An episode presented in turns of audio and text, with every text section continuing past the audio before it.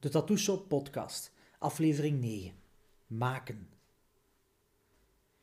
Ik wou eigenlijk de, de titel van deze podcast niet maken hebben, maar ik moet maken. Ja, ehm, heel weinig mensen weten dat, maar ik heb een enorme drang naar creëren. Um, in het algemeen. Allee, als mensen de eerste keer de shop binnenkomen, of mensen kennen me nog niet, of ze kennen wel andere uh, tatoeëerders uh, of andere kunstenaars, maar mij nog niet, um, dan denken ze, iedereen die iets kan, creatief artistiek geweest, dat is een one-trick pony. Dat is iemand die maar één ding kan. Een schilder kan enkel schilderen. Schildert die altijd portretjes, kan die alleen maar portretjes. Um, is dat een houtbewerker die kan alleen maar hout bewerken. Enzovoort en zo verder. In de meeste gevallen is dat ook zo. Um, heel veel mensen hebben één specifiek doelgericht talent. En dat doen ze en dat puren ze uit. Ja, bij mij is dat zo niet. Je gaat mij hier niet van, van horen, horen blazen en zeggen: Oh, ik heb een super talent. Helemaal niet. Ik vind dat zelf niet. Maar ik heb iets anders. Ik, um, ik zelf heb een, drang. Een, enorme. Dat was zwaar, een drang. Een enorme drang om dingen te creëren. Ja, even tussendoor. Ik had gevraagd achter of mensen dingen wouden dat ik vertelde. En er waren heel veel mensen die zeiden: vertel eens persoonlijk. Ah wel, dit is super persoonlijk. Mijn drang tot maken. Ik heb dat altijd al gehad. Um, ik heb altijd met mijn handen bezig moeten zijn, iets creërend. Niet gewoon uh, krabben of uh, in mijn neus putteren of zo. Nee, nee, iets, iets creëren. Als ik collega's terugzie van toen ik nog arbeider was. Uh, oh ja, maar je was altijd aan het tekenen, hè, zeiden ze. Of je was altijd wel iets aan het fabriceren of iets aan het maken. Of... Ja, het was ook zo. Ik heb uh, tien jaar lang in een magazijn gewerkt. En daar, naast mijn magazijnswerk, wat ik zelf wel vond dat ik dat niet slecht deed, uh, maakte ik ook kostuums. Ik pimpte heftrucks. Um, ik heb op een gegeven moment van een, uh, een soort een voertuig waar ik mee, rond, mee rondreed, daar een gigantisch paard van gemaakt met karton. En mijn eigen een ridderkostuum gemaakt met een lans en een cape. En tussen, de werk, uh, tussen het werken door eigenlijk. en daar reed ik dan mee door de gang.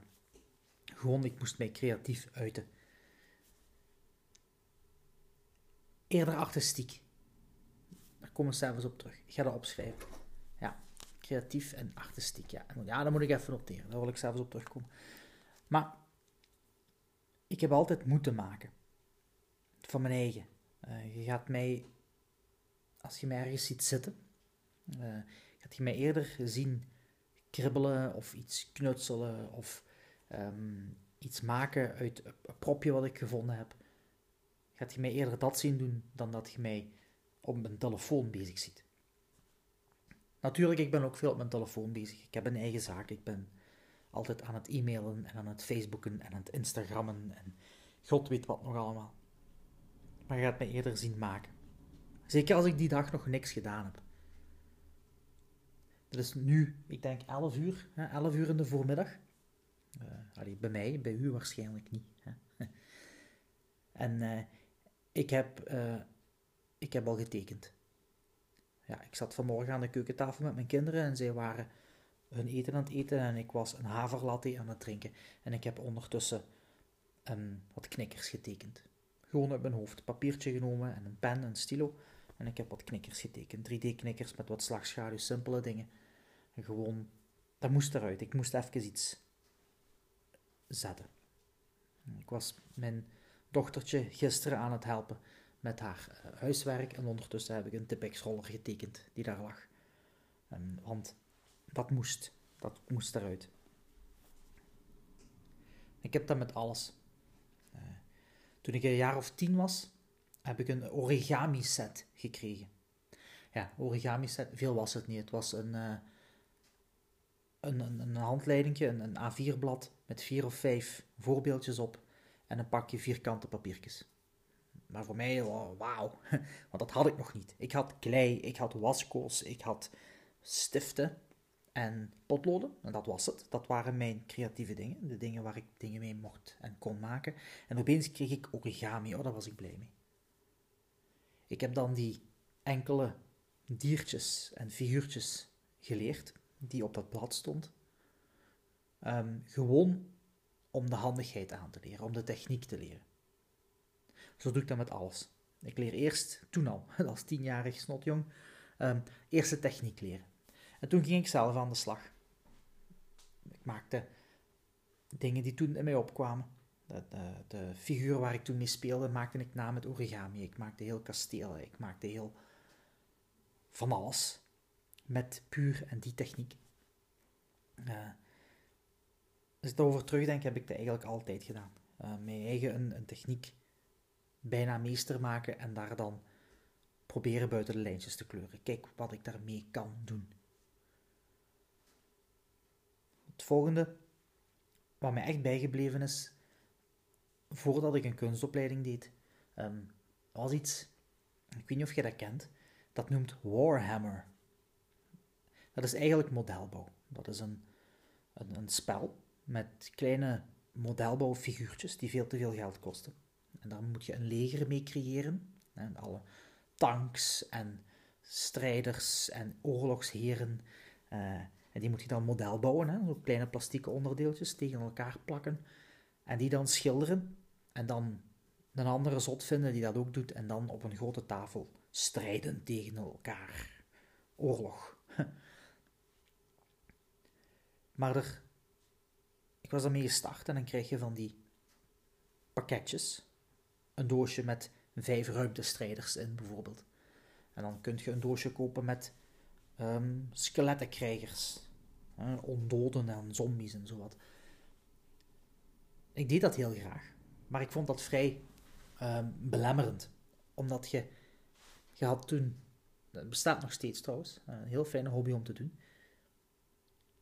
Maar ik vond dat belemmerend, omdat je, ofwel zijt jij een ruimtestrijder, ofwel zijt jij een hagediskrijger, of wat dan ook. Um, en toen ben ik dat allemaal beginnen mengen. Ben ik zelf figuurtjes beginnen maken uit plastic, uit, uh, ja, uit een soort van polymeerklei, wat dan hard werd, waar je dan ook kon schilderen. En zo heb ik mijn eigen dingen gemaakt. Weet je, ik ben opgevoed als een zeer naïef kind. Um, ik dacht dat iedereen alles kon wat ik kon. Niks wat ik deed was speciaal. Um, dat ook. Dus ik dacht dat het de normaalste zaak van de wereld was. Dat ik van die dingen deed. Nu, zoveel jaar later, is dat blijkbaar niet. Uh, mensen noemen dat een vaardigheid, een iets kunnen. Maar ik, dat, dat maken, dat zit daarin. Dat is heel raar. Um, ja, dus ik had dan mijn eigen uh, Warhammer leger gemaakt. Uit mezelf. Ja, want nu in, in, mijn, in mijn job, als tatoeëerder, komt je nog allemaal andere creatieve mensen tegen. Ja, en ik, zo naïef als ik was, uh, in het begin dat ik open was, kwamen mensen af met een tekening. Die heb ik zelf gemaakt, zeiden ze dan. En toen kende ik de Google zoekopdrachten nog niet van buiten. Nu wel ondertussen, dus je kunt mij niet meer, uh, niet meer voelen. Hè. Maar die tekening heb ik zelf gemaakt en die heb ik zelf ontworpen.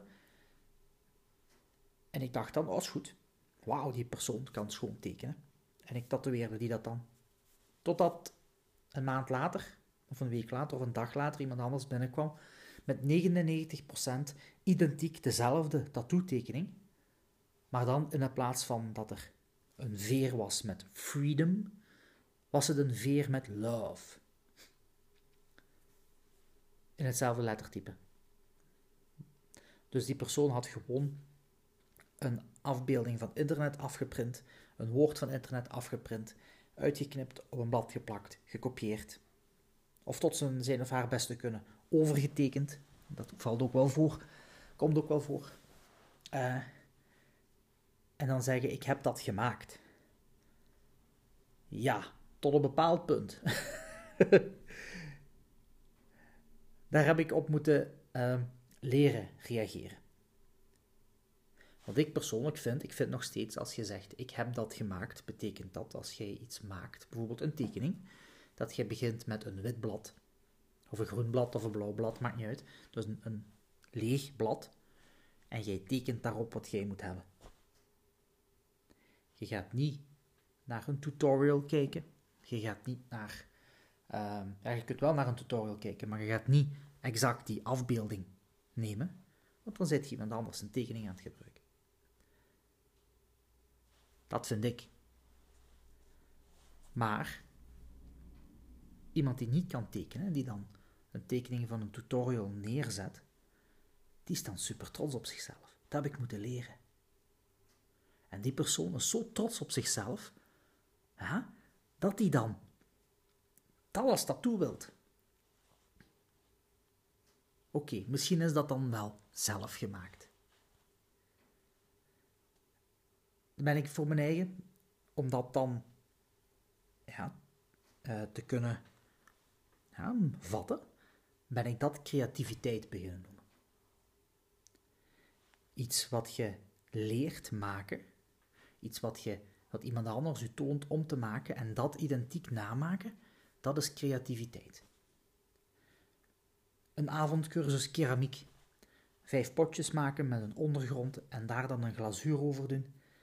En dan staat iemand van voor in de klas of in het lokaal of in het atelier en die zegt hoe je dat potje moet maken. En die zegt hoe je dat glazuur erop moet doen en op hoeveel honderd graden je dat moet bakken en hoe dat gebeurt. En dat je dat identiek kunt nadoen terwijl hij dat zegt, dat is creativiteit. Een les volgen op internet hoe je een roos moet tekenen, dat jij die roos kunt tekenen, dat is creativiteit. Je doet dat zelf. En je maakt dat zelf, maar iemand anders, iemand anders zegt hoe je dat moet doen. Langs de andere kant heb je artistiek. Dat is creëren. Creëren vanuit nul. Dat is wat ik doe. Toegegeven, ik gebruik ook referentie. Maar ik ga altijd mijn eigen ding daarmee doen. En mijn eigen ding ermee doen is meer dan gewoon de lijnen wat dikker maken of het spiegelen. Artistiek en creativiteit vernuft. Het, het, het doen, het maken is allebei maken. In het begin dat ik echt een diehard kunstenaar was, maakte ik daar een groot verschil aan in, in waarde. Ik vond iets artistiek meer waard dan iets creatief. Want iets artistiek heb je vanuit nul gebouwd en iets creatief niet. Dat heeft iemand u voorgedaan, heb je nagedaan. Maar ik ben ondertussen wat volwassener geworden, wat groter daarin. En het is evenveel waard. Want het is niet of het nu nadoen is of niet. Het is nu niet of, het, of je het nu zelf hebt gemaakt of niet. En zelf verzonnen. Het is dat gevoel achteraf wat je ervan krijgt. Het, het, kijk, wat ik, kijk wat ik gemaakt heb. Kijk, ik heb, dat, ik heb dat zelf gedaan. Juist was daar niks en nu is er wel iets. En hoe je daar gekomen bent, dat maakt niet uit. Zolang je maar tevreden bent achteraf, dat je een, gevoel van dat je iets bereikt hebt. Met, met dat idee, wel, ik zal u nu vertellen, een beetje primeur, ik heb er iets mee gedaan.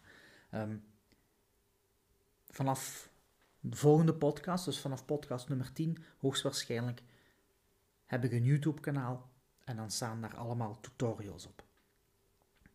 Um, ik ben begonnen met um, echt het systematisch tattoo tekenen, waar een systeem achter zit, zoals oldschool, de, de oldschool stijl.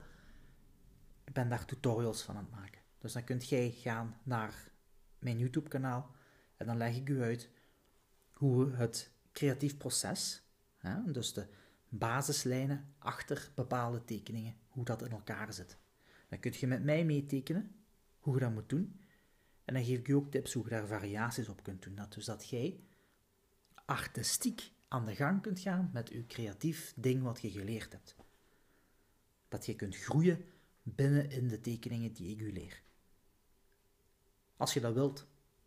En als je dat niet wilt en zegt van ah, ik wil gewoon dat schedelke leren tekenen, dan kun je dat exacte schedelke tekenen. Opnieuw en opnieuw en opnieuw.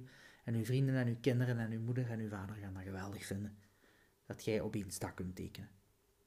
Uh, ja. Dat... Uh, ik vond dat wel kunnen.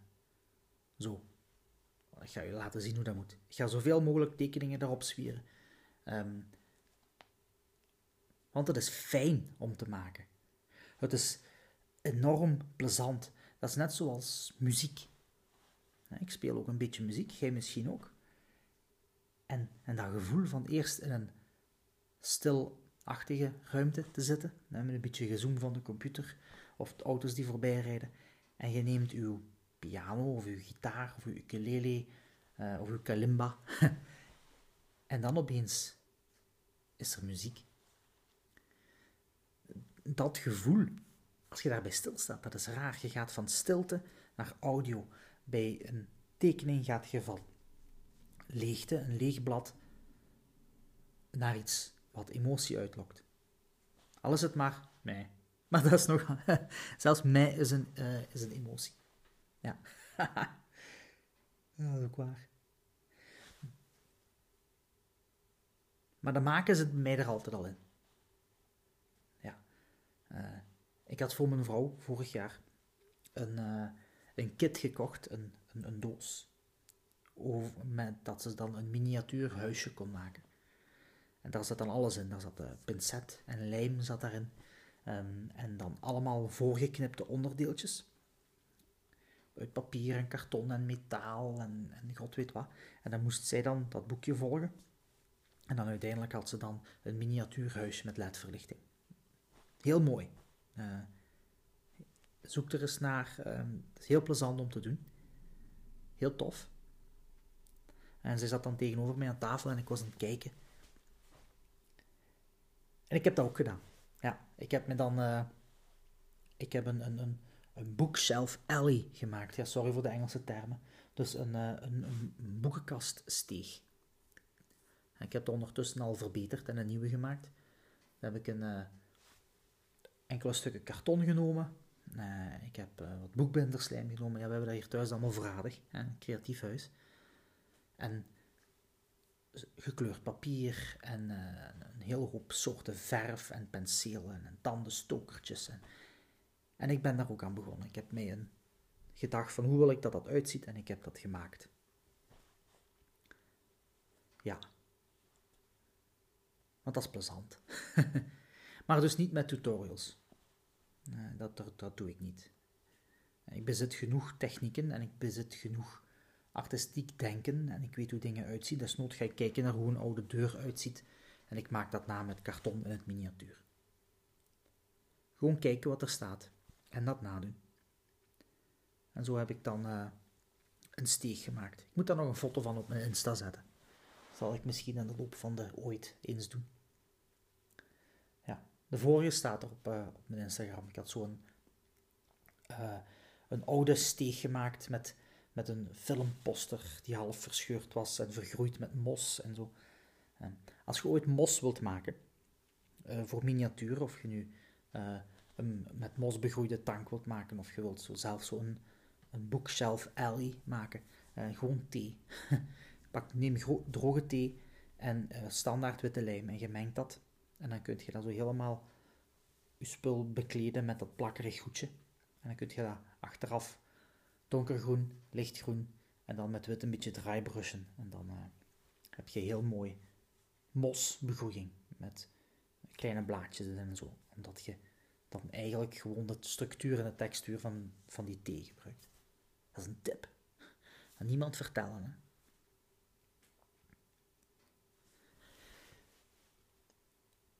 En zo gaat dat maken maar door.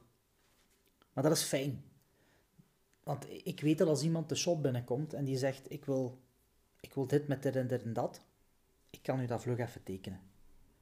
En ik, ik bezit een kennis van hoe dingen uitzien. een anker bijvoorbeeld. Een anker is een, loodrechte balk, verticaal, met een halve cirkel rond en dat bekleed je dan en dan lijkt dat op een anker. En een roos ook. Roos zijn allemaal blaadjes over elkaar gevouwen. Uh, pioenroos zijn allemaal blaadjes rond over elkaar gevouwen. Uh, meestal met een valschaduw links van onder. Maakt niet uit hoe het geschikt is, altijd een valschaduw links van onder, dat is heel raar.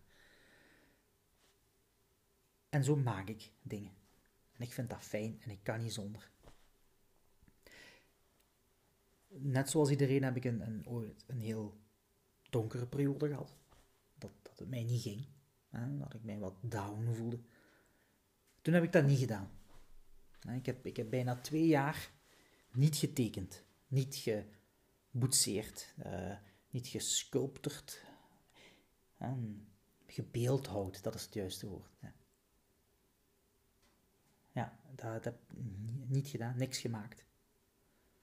Totdat ik er terug aan begonnen was omdat ik mij verveelde.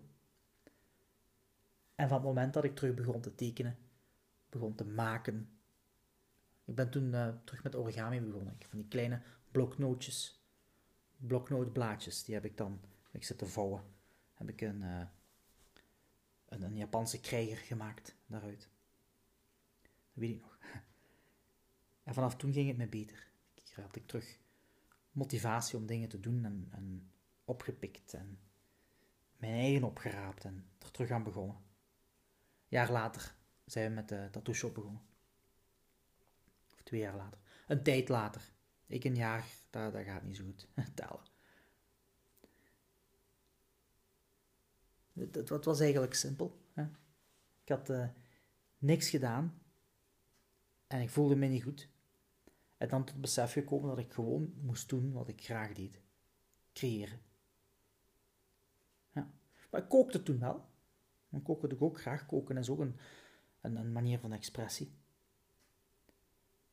Maar dat, dat, was niet hetzelfde. Nee, dat maken wel. Oh. Moest ik nog iets vertellen? Ik had iets aangeduid, hè? Ja, ja creativiteit is het niet hetzelfde als creativiteit, als uh, artistiek. Ja, dat, dat heb ik verteld. Maar eigenlijk wel. Eigenlijk is het wel hetzelfde nu. Maar eigenlijk ook niet. Uh, hier loopt een paard voorbij zonder begeleider. Wat? Oké, okay, dus hier wandelde net een groot wit paard voorbij over de straat. En uh, vijf meter daarachter liep een kerel met zijn handen omhoog. Altijd plezant op de boeren buiten wonen. Geweldig.